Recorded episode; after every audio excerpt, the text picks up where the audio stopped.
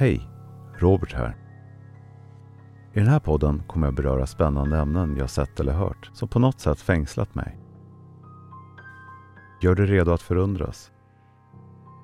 Välkommen till Annorlunda Ting.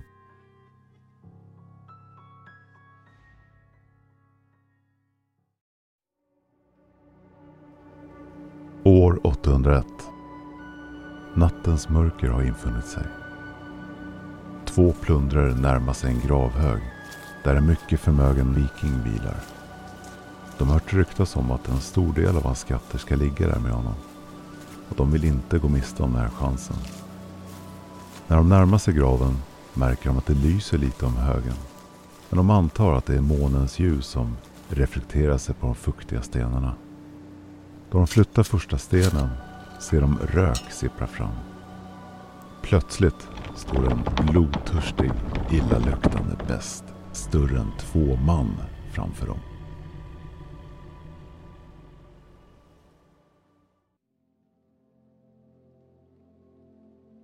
Med en lukt av förruttnelse och ett utseende likt din värsta mardröm vakade Draugen över sin gravhög och såg till att ingen plundrare tog sig därifrån levande. Vikingatidens zombie, eller kanske rent av vampyr, Draugen, var en monsterlik vålnad de flesta människor fruktade. På fornordiska och isländska betyder draug spöke och drauger kommer från fornisländskan som betyder skada och bedra. En draug beskrivs ofta som en ohygglig och väldigt farlig figur. Benämns även som likspöke då de närmast kan liknas vid vår tids zombie eller levande död. Inom nordisk mytologi är draugen en död människa vars kropp går igen. Alltså inget genomskinligt spöke som rasslar kedjor utan en fysisk kropp som var ute efter att döda. Ingen trevlig typ med andra ord, utan extremt farlig och fruktad. Draugen var övermänskligt stark och kunde byta skepnad. Den kunde inte bara ändra storlek utan kunde även ta form av djur. Hade man riktigt otur var man inte ens säker när man sov. Då Draugen i vissa fall besökte en i drömmarna och såg till att man vaknade traumatiserad eller sinnessjuk.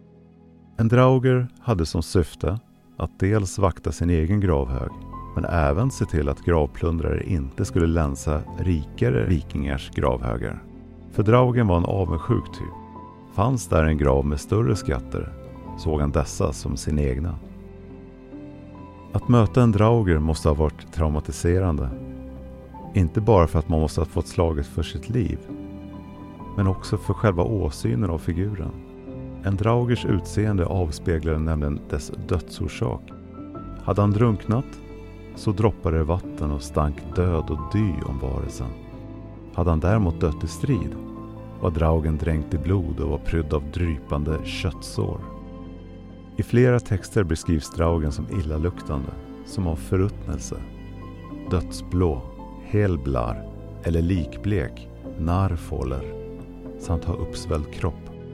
Draugen var alltså stridslysten och det uns av järnverksamhet varelsen fortfarande hade använde den till att njuta av lidandet den orsakade hos plundrare och skräcken den försatte hos de levande. När en draug steg upp ur sin grav kom den ut som rök för att sedan byta form. Draugen kunde röra sig fritt och uppenbarelse sig på andra platser. Till skillnad mot Haugbyn som var platsbunden till sitt gravområde. Hur hade då Draugen ihjäl sina offer? Vikingarna i sig är ju kända för att vara råbarkat brutala i sina erövringar. Men det var ingenting jämfört med Draugen. Draugen mördade genom att driva sina offer till vansinne eller krossa deras kroppar med sin enorma kroppsvikt. Jag nämnde i början att de var vikingatidens vampyrer. Ja, det sägs även att de åt sina offers kött och drack deras blod. Och i sann vampyr och zombieanda kunde även offret efter sin död bli en draug. Hur skulle man då bära sig åt för att slippa dessa gengångare? Ett vanligt tillvägagångssätt var att, precis som med vampyrer, spetsa kroppen med en träpåle innan man täckte graven. Då var man liksom fastankrad i marken och kunde därmed inte gå igen. Sen kunde man såklart se till att kroppen efter döden var obrukbar, så man brände helt enkelt liket och strödde ut askan. Folket på denna tid tog därför extra säkerhetsåtgärder när det var dags för begravningar.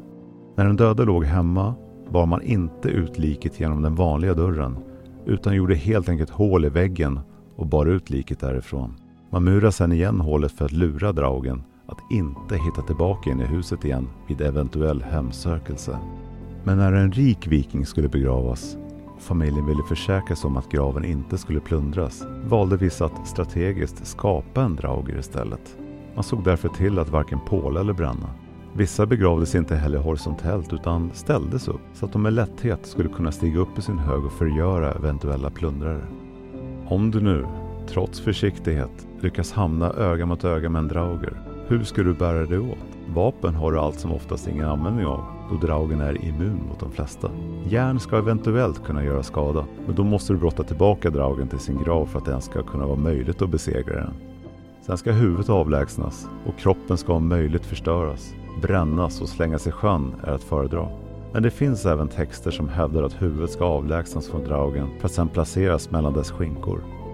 Men man får komma ihåg att draugen är omänskligt stark och kan ändra storlek. Så med största sannolikhet är det nog bara att inse sitt öde och tacka för sig. Ja, draugen verkar vara en läskig typ. Hoppas att varken du eller jag springer på någon i skogen. Tack för att du lyssnar på min podd. Om du tycker om innehållet, berätta gärna för andra och betygsätt också. Det uppskattas väldigt mycket. Jag heter Robert och vi ses i nästa avsnitt av Annorlunda ting.